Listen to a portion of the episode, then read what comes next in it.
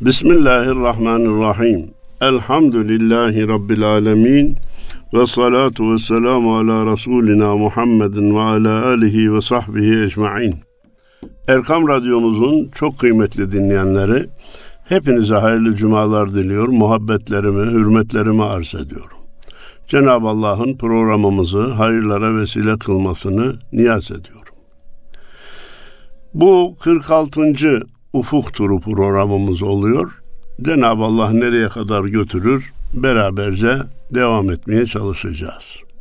Yine Üstad Abdurrahim Karakoç'tan seçtiğim vaktimiz nispetindeki şiirlerini arz etmeye ve kısa kısa izah etmeye çalışacağım. Üstad diyor ki ben hesaplar yaptım 40 yılın hesabını şöyle çıkardım diyor. Hasibu gable en tuhasebu vardı ya ölçümüz. Allah hesaba sizi çekmeden siz kendinize hesaba çekin. Uykuları harman ettim savurdum. Bir mübarek düş aradım 40 sene. Ne usandım, ne yoruldum, ne durdum. İçi doğru dış aradım 40 sene. Alın size bir kitap kadar söz. Uykularımı harman ettim, savurdum diyor. Bütün uykuları gözden geçirdim de bir mübarek düş göreyim içinde. Ne olur mübarek bir rüya aradım, aradım bulamadım 40 sene. Niye? E, dervişin derler fikri neyse zikri olur. Gündüz neyle meşgulüz ki gece ne görelim. Mübarek düş görmek her kula nasip olmaz. Tabii Abdurrahim Karakoç Üstad tevazuundan bunu söylüyor. Yoksa ben inanıyorum ki mübarek düşler de görmüştür. Ama elbette ifşa etmez. Ne usandım, ne yoruldum, ne durdum. Habire gayret ettim. Ha neye gayret ettim? İçi doğru dış aradım 40 sene. Adamın dışına bakıyorsun ki elini ayağını öpesin geliyor abdest suyunu dökesin geliyor. Sonra bakıyorsun ki içi başka çıkıyor. Eyvah diyorsun. Büyük dağları geriden seyretmek lazımmış. Yanına varıp üstüne çıkarsan dağın heybeti kalmıyormuş diyorlar. Bir kısım insanları da geriden görmek lazım. Üzgünüm. Memleketim, milletim, dinim adına da üzgünüm. Geriden görüp nice hayran kaldığımız kişileri birkaç gün yanında kalarak tanısak, eyvah bu makamları bu kişiler mi işgal ediyor?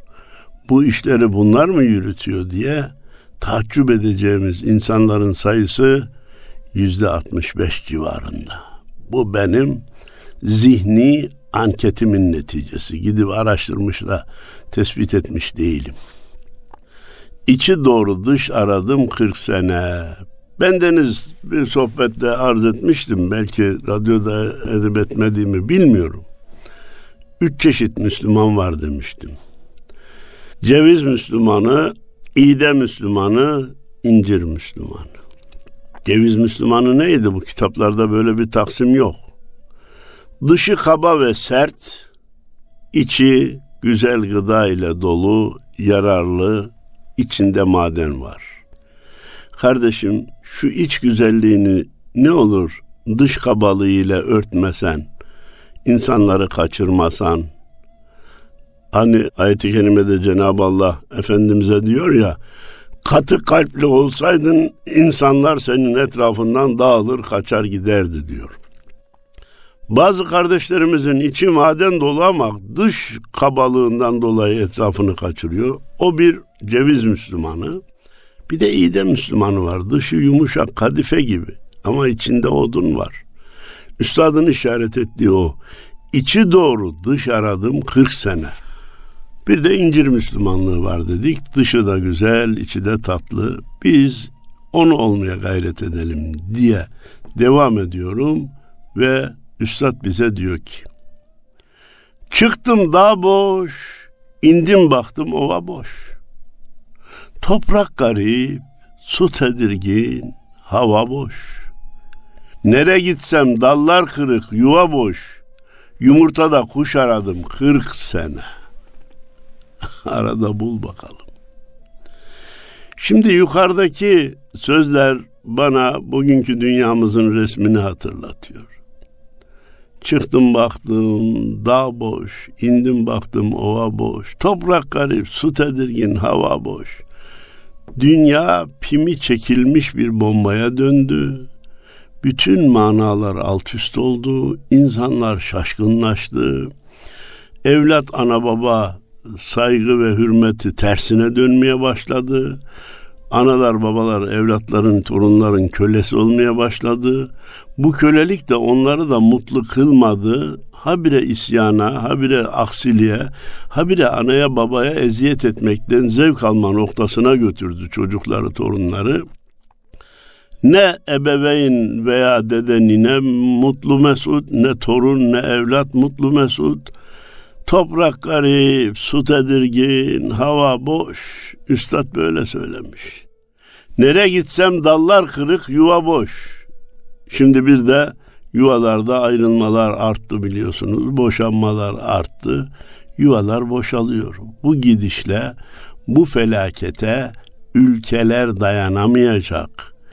Devletlerin bütçesi kafi gelmeyecek ve felaketler tahminlerimizin üstünde üzerimize çullanacak değerli dinleyenler.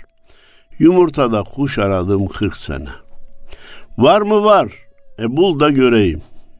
İlla o yumurtadaki kuşun çıkabilmesi için belli bir süre belli ısıda bekletilmesi lazım.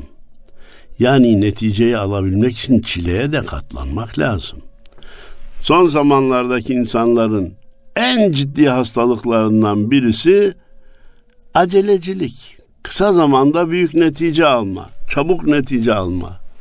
O da işin bereketini, lezzetini, huzurunu kaçırmaya kafi geliyor. Düdüklü tencere çıktı, kısa zamanda haşlayıp bırakıyor. Eskiden tandırda pişirilirdi o kuru fasulyeler. Saatlerce tıkır tıkır kaynardı, lezzetinden de yenilmez hale gelirdi. O güveç dediğimiz çanak kaplarda pişen yemeklerin lezzeti başka olurdu. Şimdi aman çabuk olsun, acele olsun, vaktimiz yok. Ondan sonra kazandığımız vakti sonra nerede harcıyoruz? O da apayrı bir felaket.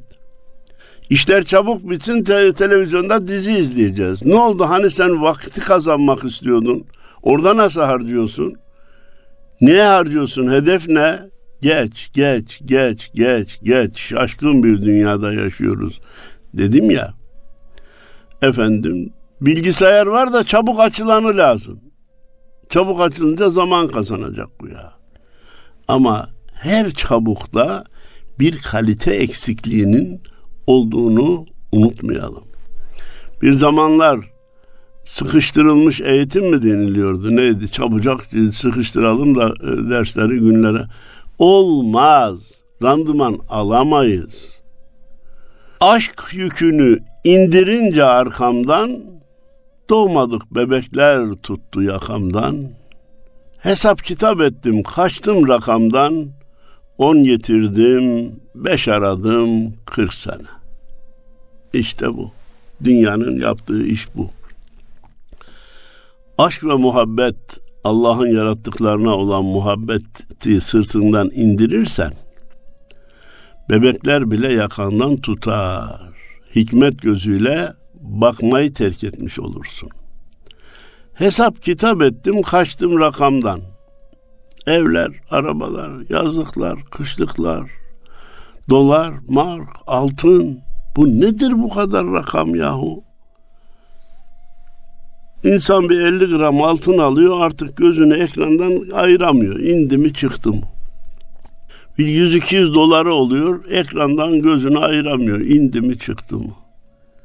Bu kaygılar bizatihi bu kaygıların kendileri insanları huzursuz etmeye yetiyor.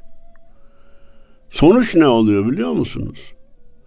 10 yitirdim, 5 aradım 40 sene.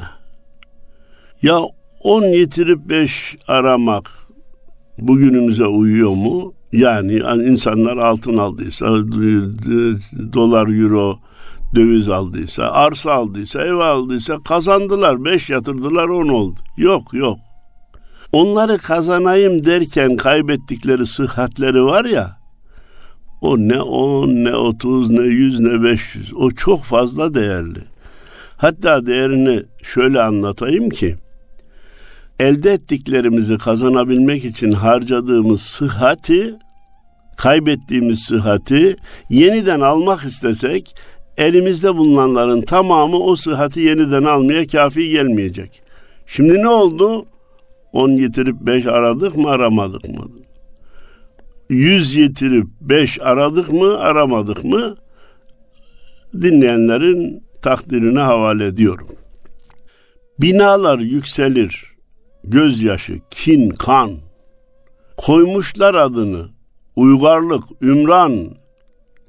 Yükseklerde midelerdir hükümran. Alçaklarda baş aradım kırk sene. Binalar yükseliyor ama içinde gözyaşı, kin, kan var. Bir kere komşuların birbirine olan münasebetleri iyi değil, ters ters bakıyorlar. O binalar bölüşülürken, mirasla bölüşülürken insanlar birbirine giriyorlar. Sadece gönül kırmakla kalmıyor, kafa kıranlar da oluyor. Kan dökenler bile oluyor. Bir bina yıkılıp yeniden yapılacak. iki komşu bütün komşuları huzursuz edecek mahkemelerle insanlara çok sıkıntılar verebiliyorlar. Bu cümleden olmak üzere diyorum ki bu kentsel dönüşümde komşularınıza problem çıkarmayın. Binanızın kısa zamanda yıkılıp yenilenmesini temin edin, gayret edin, siz de katkıda bulunun. Aksi halde başkalarının gözyaşları yıkılıp da 3 sene 5 sene yapılamayan binalardaki daire sahiplerinin ödediği her aylık kirada sizin suçunuz var. Onların size geçen hakkı var. Bunları iyi hesap edelim dedikten sonra koymuşlar adını uygarlık ümran. Gökdelenleri yapınca ulan uygarlık işte medeniyet işte bak dünya imar oldu. Ne imar oldu? Gökdelenler Amerika'ya ve Avrupalıya huzur getirdi mi? Hızlı vasıtalar huzur getirdi mi? Bilgisayar, internet huzur getirdi mi? Hayır. Yükseklerde midelerdir hükümran. Ne diyor adam? Efendim biz her hafta e, ailecek kahvaltıya dışarıya çıkarız. 50 çeşit yemek, yiyecek sunulur. Kahvaltı o kadar zengin ki içinde 50 çeşit yiyecek var. Yahu kardeşim 50 çeşidin hangisini yiyeceksin? Bu mideye zulüm değil mi? Ha bu 50 çeşidin bir kısmı sahte çeşit. 15 tane peynir, 8 tane e, zeytin çeşidi vesaire vesaire. Toplam 50-60 çeşit kahvaltı, serpme kahvaltı diyor. Halbuki çok çeşitli şeyleri mideye indirmek mideye zulümdür. Ana mesele ne? Mideler hükümran oluyor. Belli bir rakamın dışına çıkınca nerede yiyeceğiz, nasıl yiyeceğiz duyuyoruz, görmedik ama yurt dışına bile yemek için giden insanların olduğunu gördük. Şehirler arası gidenlerin de sayısı hiç az değil. Alçaklarda baş aradım 40 sene. Hep zenginlerin başı havalarda yukarıda kibir gurur. E eğilmiş bir baş bulamadım 40 sene diyor. Mütevazi bir baş bulamadım 40 sene. Devam ediyor. Gönül penceremi dünyaya açtım. Baktım manzaraya, ben benden geçtim. Ucuzdan diksindim, kolaydan kaçtım. Belası çok iş aradım 40 sene. Ha bak. Şimdiki insanlar ne yapıyor dedik? Hep kolay arıyor. Hep çabuk olsun arıyor. Ben diyor belası çok iş aradım. Sıkıntısı, çilesi çok iş aradım. Ucuzdan diksindim, kolaydan kaçtım. Şimdi gençlere bakıyoruz. İnternette bugün şunu sattık. Bugün yarın kardeşim sen o işin çilesini çektin mi? O işin inceliklerini öğrenmek için zaman harcadın mı? Yok. Herkes aklına koysun ki Allahu Teala hiçbir mesleğin, hiçbir sanatın ekmeğini, nimetini onu o sanatın veya o mesleğin başına koymamıştır. Kim çilesini çekmeye razıysa ekmeğini o yesin istemiştir. Onun için ucuza değil, kolaya değil, sıkıntıya talip olabilmeyi insanımıza anlatmamız, çocuklarımıza anlatmamız gerekiyor. Yeni nesle anlatmamız gerekiyor. Yeni nesli, yeni nesil hep ucuzcu, hep kolaycı, hep ne bileyim yani anlatılması güç bir psikolojinin içine girdi. Kendini de huzursuz etti. Anayı babayı aileyi de huzursuz etti. Dinleyelim üstadı devamında. Birbirinden çürük çıktı seneler. Öz yiğidi az doğurdu analar. Hayal oldu gönlümdeki binalar. Temel için taş aradım kırk sene. Birbirinden çürük çıktı seneler. Bütün bakın esnafa gidin sorun işler nasıl? Geçen sene bundan iyiydi. Ya tarıma gidiyorsunuz geçen seneki rekolte bundan iyiydi. Bu sene en az yüzde otuz kayıp var. Yüzde kırk kayıp var. Allah Allah. Bu ne bereketsizlik kardeşim. Bu ne doymazlık, huzursuzluk veya ters değerlendirme mi? Gerçek mi böyle? Bu küresel ısınma biraz gerçekliği takviye ediyor. Peki sebep ne? İnsanlar bu cezalara niye çarptırılıyor? Öz yiğidi az doğurdu analar. İçi dışı mert, vatan millet din iman uğruna canını vermeye hazır insanları öz yiğidi analar az doğurmaya başladı. Herkes bir hesap kitap peşinde. Hayal oldu gönlümdeki binalar. Hani bir zamanlar köşküm, sarayım, yazlığım, kışlığım, villam olsun diyordum. Baktım ki onlar hayal. Temel için taş aradım 40 sene. Hangi temel bu? Mutlu bir yuvanın temeline koymak için taş aradım, bulamadım. Huzurlu bir evin temeline koymak için taş aradım, bulamadım. Evler çoğaldıkça huzurum kayboldu, kaçtı gitti. Adı devrim oldu bir kısım şeylerin. Denge kurdu toklar açı yiyerek. Aptallara ibret olsun diyerek solucanda diş aradım 40 sene. Ya insanların bir kısmı öyle olmaz şeylerin peşinde ki solucanda diş olur mu? Olmaz. Niye aradın? İşte bazı insanların yaptıklarını onlara göstermek için ibret olsun diye solucanda diş aradım. La rahata fid dünyayı bir türlü kavrayamadık. Dünyada rahat yoktur olmayanı arayan yorulur. Biz olmayanın peşindeyiz. O da aynen işte ona işaret ediyor. Solucanda diş aradım diyor. Bulabilir mi? Bulamaz.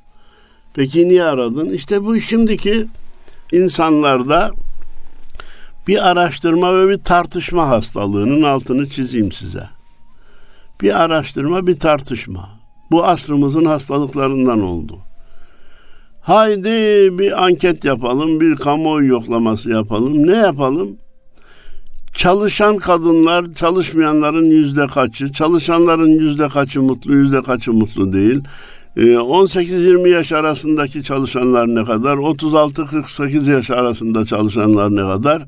Anket, anket, anket, anket, araştırma, araştırma, araştırma. Sonuç bana göre sıfır.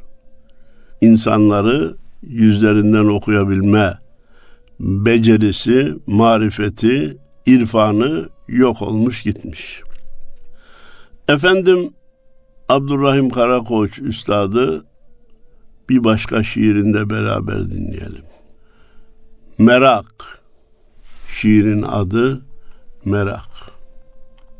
Ne demiş peki bu merak şiirinde? Özümden aleme kuşlar uçurdum. Hangisi menzile vardı bilemem. Engin denizlerden kanı geçirdim.'' hangisi göz izini gördü bilemem. Özümden aleme kuşlar uçurdum. Hayal dünyasında kuşlar uçurdum. Hangisi menzile vardı acaba bilemiyorum ki.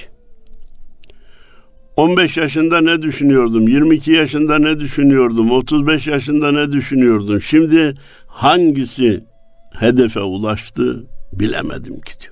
Engin denizlerden kanı geçirdim. Denizden kanı geçer mi? Hayal alemin buydu ya geçirdim. Hangisi göz izini gördü bilmem ki. Göz izini görmek, göz izi çok önemli bir şey, çok önemli bir tabir. Yanılmıyorsam Karacaoğlan'daydı. Yüzünde göz izi var. Sana kim baktı yarim diyordu. Eskisi bu kadar, eskiler bu kadar titiz idi. Şimdi maalesef her şey ortalığa döküldü. Sanki teşhir, beceriklilik ve sanat gibi görülmeye başlandı. Gün erdi zevale, gam zeval oldu. Baktığım noktada başka bir hal oldu. Aklım kilitlendi, dilim lal oldu. Hangi aşk içime girdi bilmem ki. Gün sona erdi, kederde yattım uyudum artık düşünme bittiği için gam da bitti. Baktığım her noktada başka bir hal oldu. Hayata bakışım yaşlarıma göre değişti, maddi imkanıma göre değişti. Ama ben bu işin içinden çıkamadım. Aklım kilitlendi, dilim lal oldu. Lal ne demek?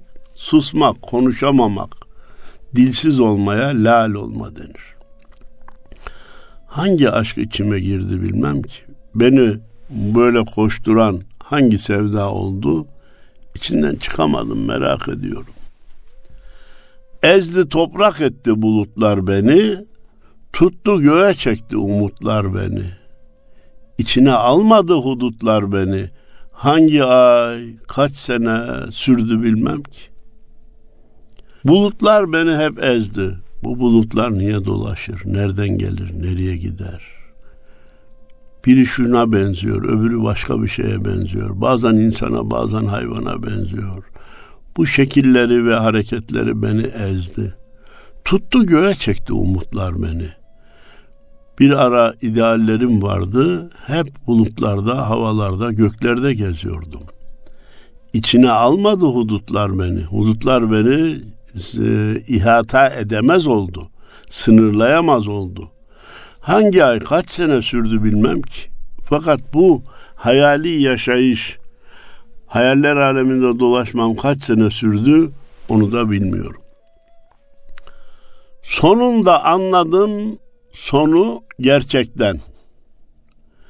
Cansız da fark ettim canı gerçekten.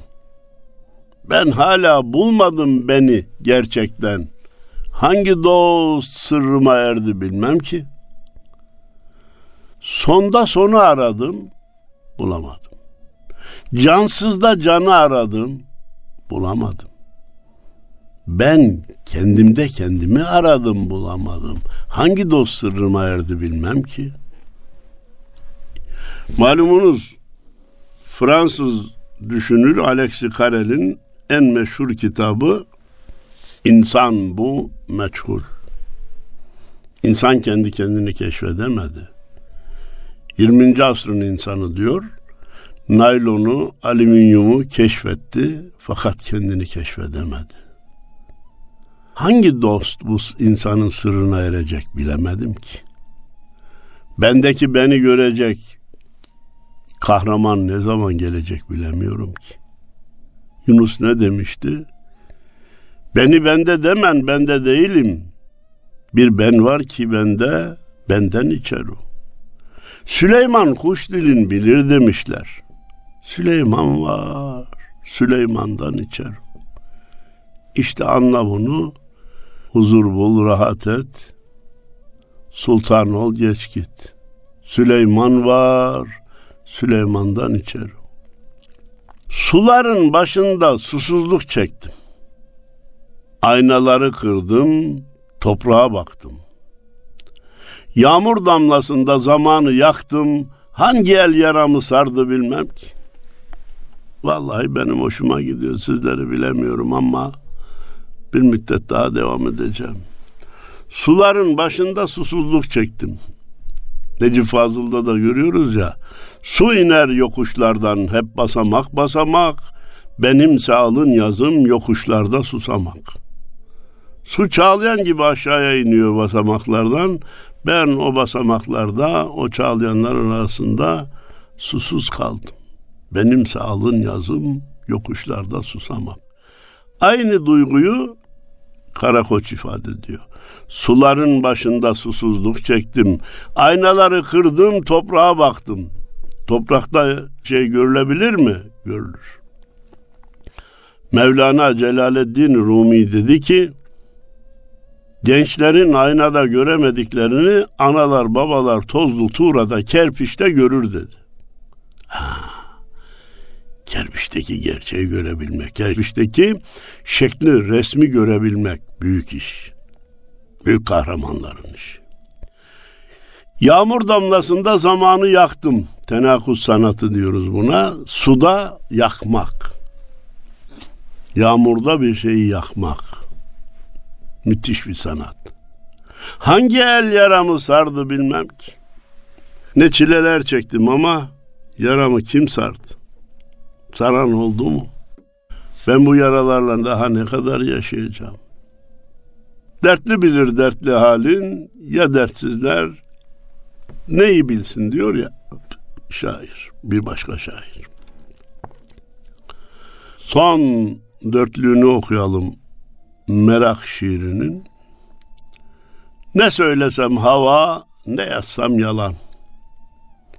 İlahi kaynaktır tek makbul olan. Hazreti Kur'an'ın dışında kalan hangi söz yerinde kaldı bilmem ki. Müthiş. Ne söylesem hava, ne yazsam yalan. Ben de kendi kendime hizmet için koşturdum. Sağa sola koştum, şiir yazdım. Konferans verdim, şunu ettim, bunu ettim diyor. Sonuç ne oldu? Tabii bir sonuç elde edilmiyor diye bu gibi faaliyetlerden ele tek çekmek doğru değil, kaçınmak doğru değil. Azimle, sebatla yürüyeceğiz. Ne, bereketinin neticesini Allah verecek. İlahi kaynaktır tek makbul olan tek makbul olan vahiy ürünü olan Kur'an-ı Kerim ile yine vahiy ürünü olduğuna yüzde yüz inandığımız sünnet-i seniye sahih sünnettir. Onun dışında makbul olan bir şey yoktur. İnsanlar makbuller üretiyorlar, ürettiklerini zannediyorlar. Sonra kendi ürettikleri o makbulleri kutsamaya kalkıyorlar. Sonunda bakıyorlar ki içi boş. Niye? Kaynak ilahi değil. Resim sergilerini gezdiniz mi veya televizyonlarda gördünüz mü? Adam fırçayı almış rastgele kağıdın üstüne renkleri çizmiş veya hatta fırçayı sağa sola damgalamış. Ya ne büyük sanat. Allah Allah şurada neler söylemek istemiş. Vallahi hiç söylemek istediği filan bir şey de yok. Önce kutsuyor, sonra onun altının boş olduğunu görüyor. O devir bitti, onları kaldırın şimdi yeni başka bir devir geldi, sembolizm geldi bilmem. Allah Allah. Ya bir zamanlarda hani bunu kutsallaştırıyordunuz ya. Ben diyor çok inceledim de diyor. Hazreti Kur'an'ın dışında kalan hangi söz yerinde kaldı bilmem ki. Hep yazılanlar ya unutuldu ya yırtıldı ya geçti gitti. Sadece ilahi kelam yerinde duruyor. İlk geldiği gün gibi. Hiçbir harfi değiştirilmeden geldi. Ne garip tecelli ki şimdi zamanımızda hem de ilahiyatçı sıfatıyla hem de akademik sıfatlara sahip olan nice kişiler Kur'an'a dil uzatmaya başladı. Yok yok öyle inançsızlardan demiyorum. İslam düşmanlarından gelenleri kastetmiyorum. Kur'an'daki tekrarlar Kur'an'a zarar veriyor. Şu ayetler bize siyasi politik geliyor. Allah böyle bir şeyi söylemez. Herhalde bu meleğin sözüdür filan gibi Müslümanların Kur'an'a olan inancını alt üst edecek, güvenini alt üst edecek bir kısım fikirler ortaya atılmaya başlandı. Ne kadar garip, ne kadar tehlikeli, ne kadar felaket. Ama maalesef bu gerçeği yaşar hale geldik. Allah akıbetimizi hayır eylesin. Ha, inancımız o ki kaç tane profesör, kaç tane ilahiyatçı, kaç tane akademisyen hücum ederse etsin Kur'an'ı değiştirmeye de eksiltmeye de bir kısım bölümlerini çıkarıp atmaya da güçleri yetmeyecektir. Çünkü Kur'an'ın garantörü bizzat Cenab-ı Allah'tır.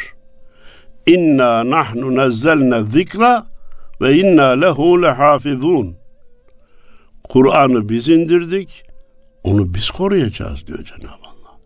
Bugüne kadar korumadı mı? 1400 sene bir kitabın bir harfi bile değişmeden gelmesi mucizeler üstü bir mucize değil mi? Ve bütün insanlığa meydan okuyarak eğer gücünüz yetiyorsa bunun bir benzerini siz de meydana getirin. 10 suresinin benzerini meydana getirin. Bir suresinin benzerini meydana getirin diye bütün insanlığa meydan okumuş, kendi de bir tek harfi değişmeden günümüze kadar ulaşmış. Bu başka mucize istemeye gerek var mı? Eğer inanmak istiyorsa bir insan bu ona kafi gelecektir. Değerli dinleyenler, bize ayrılan süre bitti. Biz de size veda ediyor. Hayırlı cumalar diliyor. Allah'a emanet olun diyerek muhabbetlerimizi, hürmetlerimizi sunuyoruz efendim. Gününüz hayır, cumanız mübarek olsun. Allah'a emanet olun efendim.